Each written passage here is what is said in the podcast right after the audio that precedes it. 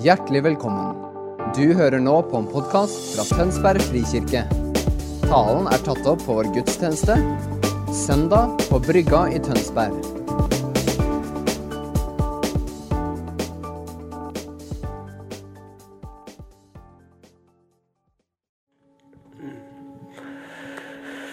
Så godt å være her med dere i dag.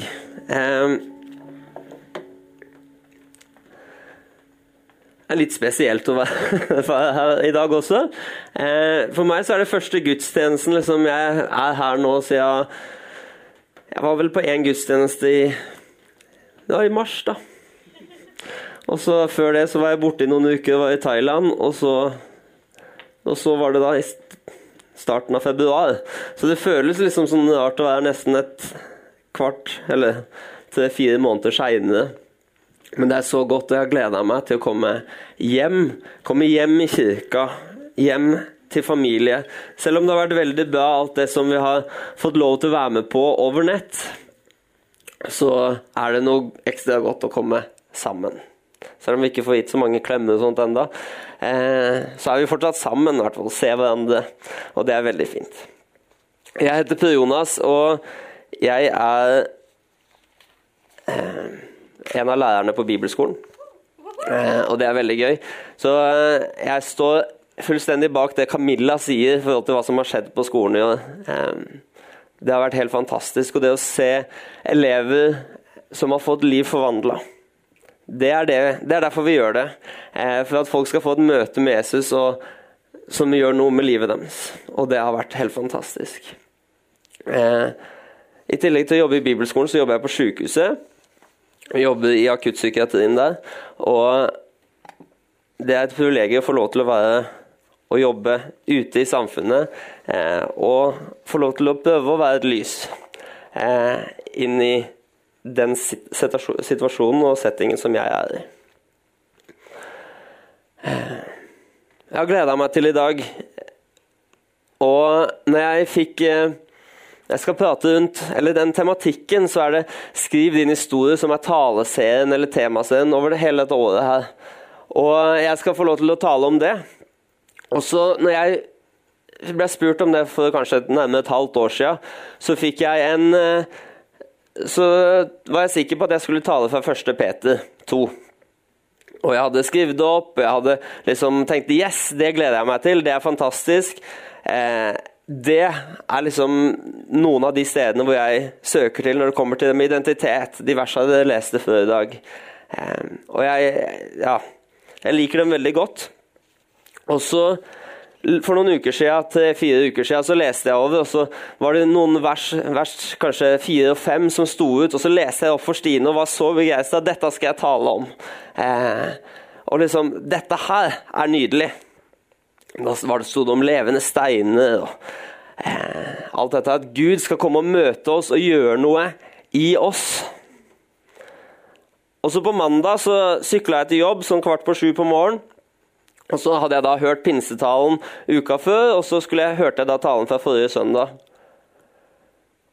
Og så hører jeg at dette her er jo akkurat det jeg, eller liksom, Her prater Morten om levende steiner, at vi skal bli være templer ikke sant? og den, den, biten der. Så fantastisk å tenke yes, dette er akkurat i spor med det, skal, det jeg skal inn i. Og det er nydelig. Og så kom jeg å tenke Men var det egentlig dette her jeg skulle prate om? kom jeg til å tenke på. Så jeg gikk inn bare for å dobbeltsjekke i, eh, i den taleoversikten som vi har, og der sto det 2. Peter, ikke 1. Peter.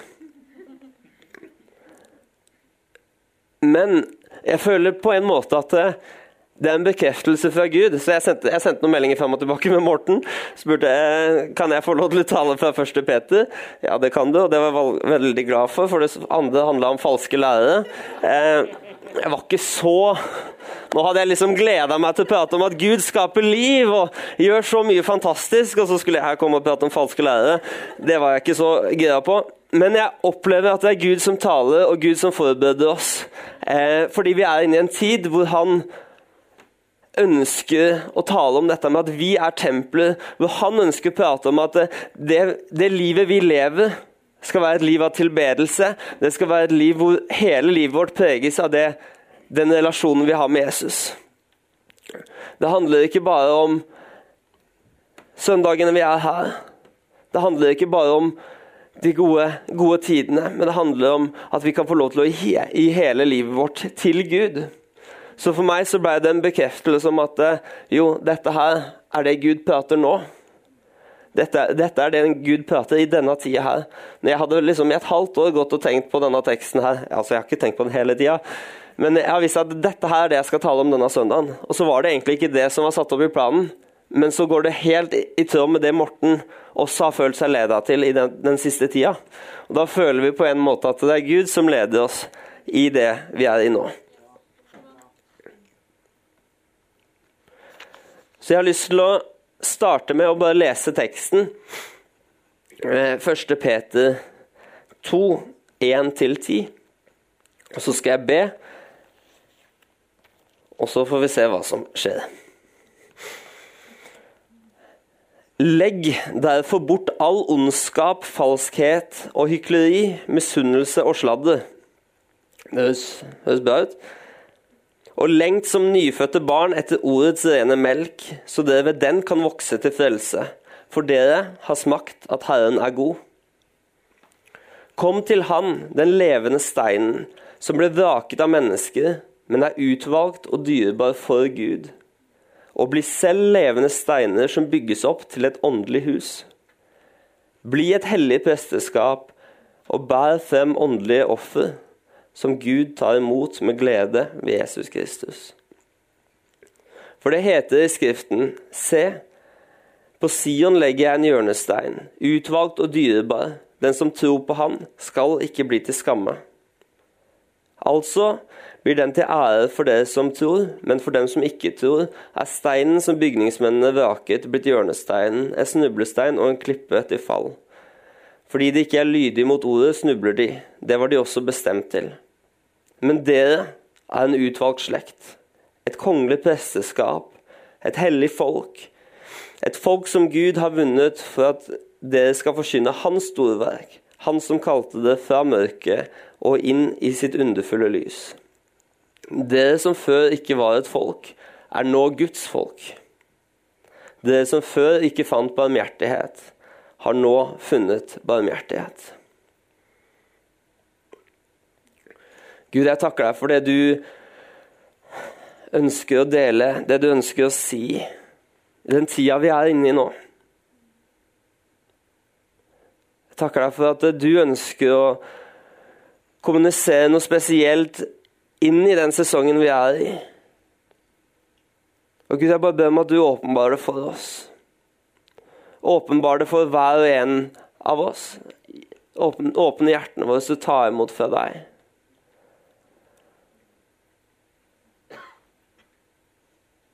Så Gud, vi inviterer deg til å gjøre akkurat det du vil nå. for. Led meg som deler ord, og prat inn i hjertene til de som trenger det, de som hører på. I Jesu navn. Amen.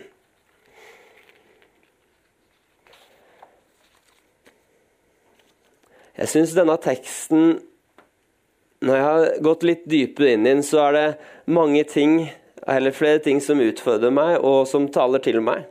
Eh, og Jeg har lyst til å liksom, gå gjennom noen, noen av de ulike delene og starte på starten. Eh, med vers 1-3. Eh, og det som slo meg når jeg ser, ser på den, eh, så starter den teksten med at det sier 'legg derfor bort'. Men når det starter med at vi skal legge bort noe, eller sier 'derfor', så må vi jo se tilbake det som har vært før. Hva er det som står før at vi sier at vi skal legge bort noe? For det må være et svar der. Og, og når vi ser på overskriftene i kapittel 1, så heter de 'et levende håp' og 'et kall til et hellig liv'. Og i vers 22 og 23 i kapittel 1 så står det ved å lyde sannheten har det renset sjelen så det kan leve oppriktig i søskenkjærlighet. Elsk hverandre inderlig av et rent hjerte. For det er født på ny, ikke av forgjengelig sæd, men av uforgjengelig, ved Guds levende ord som er og blir. Ved å lyde sannheten har det renset sjelen så det kan leve i oppriktig søskenkjærlighet. Elsk hverandre av et inderlig og et rent hjerte. Så Det er utgangspunktet for at vi skal legge bort noe. Så vi kan leve i oppriktig kjærlighet, i oppriktig søskenkjærlighet, og elske hverandre med rene hjerter. Så når det står i vers, vers 1 i kapittel 2 legg derfor bort all ondskapen, falskheten, hykleriet, misunnelsen og sladderet, så er det så Eller er det for Grunnen til det er for at vi skal kunne leve i den søskenkjærligheten. At vi skal kunne leve og elske hverandre i fellesskapet. Og Det er det vi snakker litt om her på huset, om hederskultur. At vi er kalt til å leve og se hverandre på den, på den måten som Gud ser på oss. Og Da er det viktig at vi ikke går bak ryggen, taler vondt, bryter hverandre ned, men at vi heller bygger hverandre opp. Og etter at det står 'legg, legg derfor bort disse tingene', så står det 'og lengt' som nyfødte barn etter ordets rene melk, så dere den kan vokse til frelse. Det er nesten som om det betyr at eh, vi må ta disse tingene her og legge det bort, for at vi skal ha muligheten til å komme inn i det å skulle leve i den søskenkjærligheten, leve i en inderlig kjærlighet til, nei, ekte kjærlighet til hverandre, så krever det på en måte at vi legger det bort. Det å legge bort disse tingene her Jeg tror ikke det er en åndens frukt, men jeg tror det er et valg. Det å velge å legge noe til side. Velge å si at det, altså det er jo kobla med åndens frukt. så jeg skal jeg, Kanskje uttalte meg litt hardt, men, men jeg tror det å, når det står 'legg bort', da det, blir vi utfordra til å ta et valg om å sette noe til side, så vi kan lengte etter. Og Jeg har, et, eh, jeg har to gutter hjemme. Eh, Isak på fire år og Benjamin på to. Nei, nå sa jeg feil. Isak er tre år, blir snart fire. Eh, vi kan ikke tenke på han som en treåring lenger, så da, liksom, det har blitt sånn eh, at jeg tenker at han er fire, nesten. Men han blir det snart. Eh, og Benjamin ble to denne eh, uka som var nå. Og når jeg For dere som har barn, og dere som kjenner folk som har hatt små barn, dere vet at når barna blir sultne, har lyst på melk, da kaster man alt annet til side. Fordi dem skal ha den melka. Hvis ikke de gråter, de hyler Ingenting er riktig hvis de ikke får mat. Og Det er egentlig det det sier her. Altså Legg bort disse tingene her, og lengt etter. Hengi dere, skrik etter mer av Gud. Benjamin drikker ikke, får ikke så mye melk lenger, men det er stadig jeg kan eh, våkne på natta og så hører jeg ikke nødvendigvis mamma og pappa først, men vi hører 'saft, saft, saft'. Og så roper han og roper han og roper han til han har fått den safta.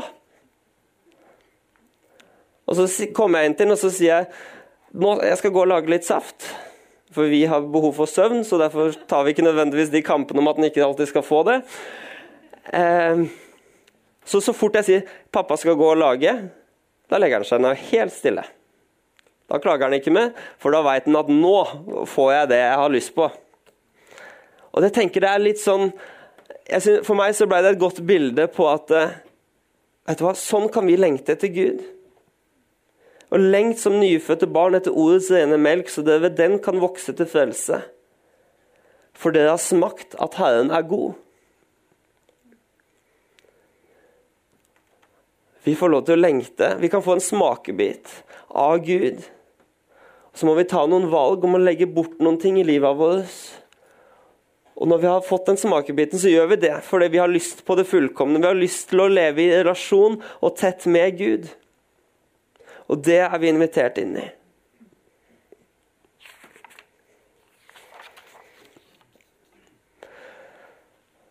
Når jeg jobba med denne eller forberedte meg til denne talen, så har jeg blitt minnet på Johannes 4 og historien om den samaritanske kvinnen. Så Mange av dere kjenner kanskje den historien, så jeg skal ikke gå inn og lese i detalj nå. Men kvinnen hadde et møte med Jesus på tross av alt det hun hadde gjort. Og på tross av det hun hadde gjort som var feil, så fikk hun smake av hans godhet og av hans kjærlighet. Og hun, denne kvinnen, ble gjenoppretta. Fra å være en som var utstøtt og levde livet på en slik måte som førte hun selv i skam, fikk hun et møte med Jesus som gjorde at hun endte med å reise inn til byen, hvor alle de som hadde utstøtt hun, som ikke ville møte Hun dro til den bønnen den, på den tida av døgnet, for da visste hun at det ikke var noen andre der, for da var det på det varmeste. For hun ville ikke møte folk. Men etter at hun hadde fått det møtet med Jesus, hvor han hadde fortalt om alt de tingene eller hun hadde gjort feil, så Så var det noe som skjedde i henne. Det forvandla livet hennes, for hun så at han var Messias. Han sier det at vet du hva, det vannet som jeg gir deg, det vil alltid være levende. Kom og drikk av det. Og så responderer hun, og resultatet av det at hun tar imot den kjærligheten, og hun løper av gårde til byen.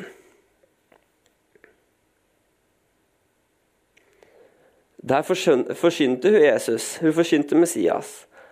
Og mennesket kom til tro ved det ordet hun forsynte. Og dette her bare noen timer etter hun sjøl fikk lov til å erfare det, så deler hun om hva Jesus hadde gjort for henne. Hun fikk smake at Gud var god, at Jesus var god. Og det forandra hennes perspektiv, perspektiv. Og det tok bort frykt og skam i livet hennes. Og hun valgte å si at vet du hva, nei, dette her må jeg fortelle. Se, jeg bryr meg ikke om alle de tinga jeg har gjort lenger, men jeg har sett han og han, det han har gjort, og det fortjener folk å få høre. I slutten av denne, dette kapittelet, i vers 39-42, så står det mange av samaritanerne fra denne byen kom til tro på, på Jesus pga. kvinnens ord da hun vitnet. Han har fortalt meg alt det jeg har gjort. Nå kom de til han og ba ham om å bli hos dem, og ble, ble der i to dager. Mange flere kom til tro da de fikk høre hans eget ord, og de sa til kvinnen, nå tror vi ikke bare lenger pga. det du sa. Vi har selv hørt han, og vi vet at han virkelig er verdens frelser. For meg så vitner denne historien om hva som skjer med mennesker når de får et møte med Jesus. Denne kvinnen fikk et smakebit av at Gud er god, og i det møtet med at en god Gud så ble livet hennes forvandla fra å være skamfull og i fangenskap i egne handlinger, til at hun ble en som var i frihet og frimodig kunne proklamere det hun hadde sett. Og pga. det hun proklamerte, så var det flere som kom, og flere som ble forvandla. Og Det leder meg over til de neste versene, for det står i vers 4 og 5.: Kom til Han, den levende steinen, som ble vraket av mennesker, men er utvalgt og dyrebar for Gud. Og bli selv levende steiner som bygges opp til et åndelig hus. Bli et hellig presteskap og bær fram åndelig offer som Gud tar imot med glede ved Jesus Kristus. Vet du hva? Når jeg leser det som står der, i den teksten Kom til Han, den levende steinen, som ble vraket av mennesker, men er utvalgt og dyrebar for Gud, og blir selv levende steiner som bygges opp til et åndelig hus, så ser jeg hva som skjer i den teksten om, om den samaritanske kvinnen. Hun fikk et møte med Jesus. Hun fikk et møte med den levende steinen. Og når hun fikk det møtet, så ble livet hennes forvandla. Så hun igjen kunne gå og være en levende stein. Være et fundament som folk kunne bygges opp på. På bakgrunn av at hun fikk ta imot, så var det mange som kom, sånn som det står der. Kom til han. Og hun dama, hun ble Eller hun, den kvinnen Hennes liv liksom, Det viser det som står i vers 9 og 10. Han som kalte det fra mørket og inn i sitt underfulle lys. Eller han har For at dere skal forkynne hans store verk. Han som har kalt det fra mørket og inn i sitt underfulle lys. Den dama, eller den kvinnen, kanskje riktig ord å bruke, hun ble forvandla, men hun fikk gå og forkynne etter at hun kom fra mørket og inn i lyset. Og jeg tror Gud har det for oss. At han ønsker å møte oss på en sånn måte. Uansett hvor vi er i livet vårt, så ønsker han å komme, møte oss og si at han tar oss fra ett sted til et annet sted. Så vi kan proklamere hvem han er. Jeg i mitt liv har gått fra ett sted til et annet. Jeg tok noen valg på, i ungdomstida mi som førte meg bort fra Gud. Men så valgte jeg å bli med på den ene leiren. Jeg kom til han. Jeg sa egentlig nei, jeg vil ikke noe med det, selv om jeg dro på den leiren. Men jeg fikk et møte med Gud som forvandla livet mitt. Han tok meg fra et mørke til et lys, hvor jeg får lov til å være med og proklamere hans store verk. Men vår oppgave når jeg leser den teksten der For jeg tenker ofte på alle disse tinga jeg skal gjøre, alle disse tinga jeg skal få til i kristenlivet mitt. Og jeg veit at det er bra å lese i Bibelen. Jeg veit at det er bra og viktig å be. Og, men de tinga er ikke nødvendigvis ting som vi må gjøre. Men det viktigste vi gjør, det er å komme til Han. Så forvandler Han oss, sånn at vi begynner å gjøre det ut av egen fri vilje. For det er i en relasjon med Gud som bygges ved bønn og bibellesning, tilbedelse. Det bygges jo i, i de tinga der. Men vi må se at han, han vil komme og møte oss med sin kjærlighet, sånn vi gjør det naturlig i de liva vi lever. Selvfølgelig er det viktig med åndelige disipliner. Selvfølgelig er det viktig å lese i Bibelen. Men motivasjonen bak det trenger ikke alltid være at det, det må jeg gjøre, for da hviler relasjonen min Gud på noe jeg burde, noe jeg må få til. Men gudsrelasjonen hviler ikke på hva vi skal få til, for den hviler på hva han har fått til. Den hviler på at han døde på korset. Han sto opp for vår skyld, så vi skulle få liv. Kom til Han, den levende steinen som ble vraket av mennesker, men er utvalgt og dyrebar for Gud, og bli selv levende steiner som bygges opp til et åndelig hus. Bli et hellig presteskap og bær fram åndelige offer vi skal komme, og han skaper det i oss. Tror jeg. Selvfølgelig må vi gjøre og Vi må posisjonere oss, vi må gjøre oss tilgjengelig, og vi må komme. Men han skaper. Vi inviteres inn, og når vi kommer, så blir vi levende steiner. Vi blir et hellig presteskap. Men det skjer på en måte ved at vi kommer. Vi kommer til den levende steinen, og vi blir levende steiner. Det former hvem vi er, vår identitet og hva som beveger seg i oss. Og I møte ved det han gjorde på korset, og ved at vi er hans nærvær og lar oss forvandle oss, så blir vi livene våre forvandla. Jeg tror ikke det er oss selv som gjør oss selv til levende steiner, men det er relasjonen til Gud. Så snakka jeg litt med Stine, kona mi, om dette her at Men det er jo Det høres jo fryktelig enkelt ut, det du sier nå. Liksom, det å komme til Gud. Jeg syns ikke det er enkelt alltid. Å, jeg syns det kan være utfordrende. Og i den tida som vi har vært nå for jeg, jeg er veldig glad i Bibelen, veldig glad i å lese den egentlig. Men de siste tre månedene i denne tida her med korona, så har ikke Bibelen og det å lese den masse, det har ikke vært det jeg har fått til. Selv om jeg har en verdi for det, eh, og jeg har et ønske om det, så er det ikke alltid tida strekker til, kapasiteten strekker til, orket strekker til. Altså, jeg har vært med Gud, og jeg har følt at Gud har vært nær på mange måter. Men det er ikke alltid det føles så lett å komme til Gud. Men jeg tror at det, for noen, for noen, av oss er det enkelt til tider. ikke sant? Og Stine satte bilde på det som at det er en som strikker og egentlig skal legge seg. Men hun bare sier nei, jeg må bare strikke én runde til. Jeg må bare litt mer med Gud. Jeg må bare komme litt nærmere. Jeg må bare stå i det. Mens for andre så det, kan det være et hinder. Du kan kjenne på at nå er det tungt, nå er det utfordrende. Men det er greit. Jeg tror det først og fremst handler om hjerteholdninga vår.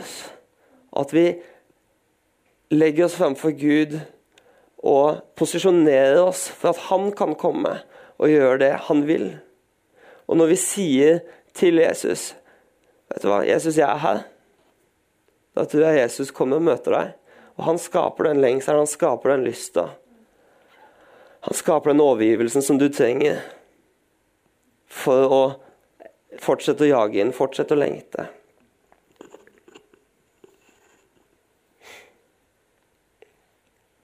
Jeg syns det er fantastisk å høre vitnesbyrd fra bibelskolen. Nå jeg, har jeg hørt mye av dem tidligere, men jeg syns det er gøy å høre om hvordan livet blir forvandla. Um, ehm, fordi det handler så mye om hva Jesus gjør, og det han elsker å gjøre. Han elsker å møte mennesker. Og en av elevene er Jan Ivar, som, for dere som er i denne salen. Jan Ivar sitter der oppe, du kan vinke. Eh, Jan Ivar er en av elevene som har vært på skolen i år. Og en fantastisk mann.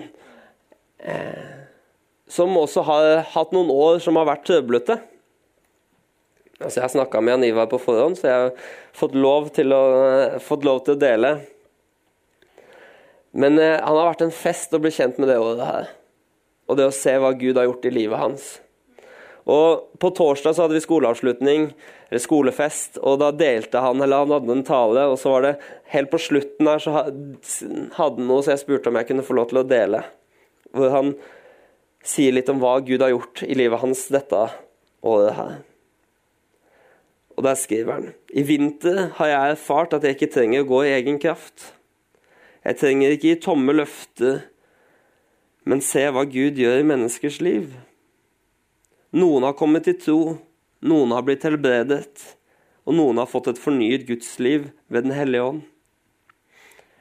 I mitt liv har jeg erfart at Gud har tatt en kald stein fra jordet og gjort den til en levende, brennende stein og plassert den i grunnmuren i Tønsberg frikirke.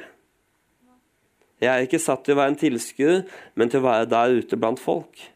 Der, der skal jeg undervise om Jesus, forkynne om Jesus og gå ut og elske byen med Jesus.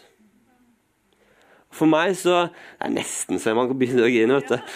Eh, det hadde jeg, dette hadde jeg ikke planlagt ennå. Eh, men det er noe når man Det er litt fordi jeg også kjenner historien. Eh, men når man, når man kommer fra et sted som har vært tøft over lang tid, og så får man erfare at Gud utfordrer den til å ta et sånt år, sånn som man har gjort nå, Og så det å se hvordan Gud har gitt krefter, styrke og reise den opp sånn som han har gjort, det er helt rått. Og for meg så er det også et bilde på det verset. Kom til han, den levende steinen. Kom til Jesus. Jesus, den Eller den som er dyrebar. På engelsk så står det 'precious'. Den nydelige, den vakre Jesus. Kom til han. For det er han som er svaret. Kom til han. Og så Og så forandrer han livet. Han forvandler, han gjør nytt, og han skaper noe. Og Han skaper liv, og han gir oss identiteten vår i han. For det er dette her som er utgangspunktet i det som kommer seinere. Om at eh, vi er et hellig nei, en utvalgt slekt, et kongelig presteskap, et hellig folk. Et folk som Gud har vunnet for at dere skal forkynne Hans store verk. Det er et resultat av at vi kommer til Han, så skapes identiteten vår i Han. Som barn utvalgte Han, som blir kongelige, som får identiteten som konge for vår Gud. Pappa Gud er konge. Og vi får lov til å tilhøre fordi han har gitt oss muligheten til det. Det er ikke noe vi skal gjøre i egen kraft. Et, et av bibelversene som jeg tenkte på i dag tidlig knytta til dette her, og som også kom opp på bønnemøtet, det er fra Johannes 7, 37-39. Og der Det var ikke der. Der så står det På den siste dagen i høytiden, den store festdagen, sto Jesus fram og ropte:" Den som tørster, skal komme til meg. Det her komme igjen. Komme til meg og drikke. Den som tror på meg, fra hans indre skal det, som Skriften sier, renne elver av levende vann. Dette sa han om ånden som de som trodde på han skulle få. Ånden var ennå ikke kommet, for Jesus var ennå ikke herliggjort. De skal få lov til å komme til han og drikke. Og så skal det fra deres indre renne elver av levende vann. For det er noe som har vært synlig for meg med Jan Ivar. Han har kommet til Jesus. Han har lagt seg ned. Han har gitt seg sjøl. Han har tørsta. Og så har det har det begynt å renne. Det har kommet liv. Det har blitt skapt liv på innsida, og som har forvandla.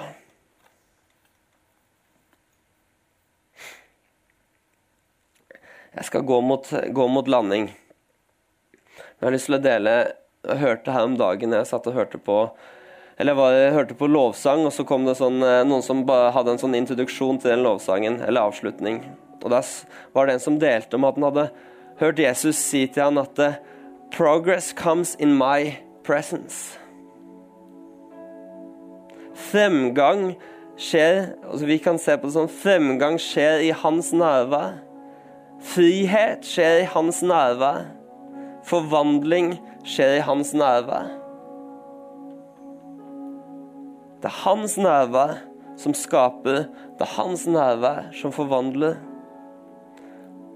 Det er hans nærvær som gjør noe dypt i oss. Det er i hans nærvær vi finner vår identitet, sannheten om hvem han er, og vi kan få lov til å finne sannheten om hvem vi er. Og så ser det ulikt ut for hver og en av oss. For Morten kan det se ut på én måte. Så vet jeg at jeg er veldig forskjellig fra Morten.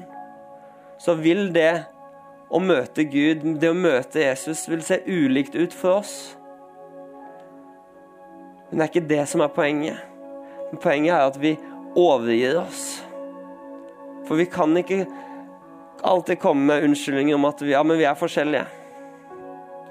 Eller, eller Jo, vent, da. Vi kan ikke alltid komme med unnskyldninger om at ja, men jeg, får, jeg kan ikke gjøre det sånn, eller jeg får ikke til det sånn. Men du må finne din måte. Men du kan ikke bruke det at du er annerledes, som en unnskyldning for at du ikke skal komme fram for tronen og bli forvandla av hans nærvær. For Gud har skapt dette for alle. Jesus er for alle.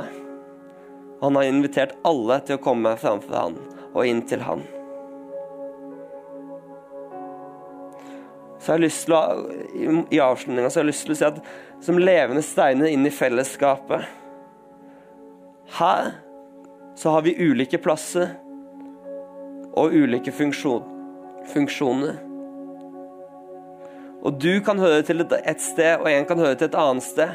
Men det viktigste er sånn som Jan Ivar sier, at jeg ser nå at jeg er en brennende stein inn i grunnmuren i dette fellesskapet. Og dere har en plass. Dere hører til her. Og hvis ikke du tar den plassen som du har kalt til å ha, så vil det stå et åpent rom på mange måter i den grunnmuren. For du er ønska, og du er velkommen. Og du kan være den som fyller en plass i et tomt rom. Og du er ønska der. Så som en utfordring både til ettertanke nå og til å ta med dere hjem, så jeg, og dere som er hjemme Ta det med dere etter Eller nå til ettertanke. Men tenk på hvordan er det jeg kommer til pappa Gud? Hvordan kommer jeg til den levende steinen og ser det han gjorde for meg, så at jeg også kan bli en levende stein? Hvordan ser det ut i ditt liv? Hvordan posisjonerer du deg? Og om du ikke har begynt å tenke på hvordan du posisjonerer deg, begynn å tenke på hvordan du kan posisjonere deg for å komme nærme Han, for å være i Hans nærvær og bli forvandla i Hans nærvær. Jesus, vi takker deg for den du er. Hvis alle sammen bare kan eh, strekke ut hendene der dere sitter. Ta imot. Så Gud, vi bare takker deg for at du er her. Du er her med ditt nærvær. Du er her og forvandle liv. Gud, kom. Og hjelp oss til å komme til deg. Hjelp oss til å lengte etter deg, som, som spedbarn lengter etter melk. Hjelp oss til å lengte etter deg. Hjelp oss til å legge bort disse dumme tinga som vi kanskje kan bære på, og heller fokusere på lengte etter deg og elske våre søsken med ekte kjærlighet. Kom, Hellige Ånd. Kom, Hellige Ånd.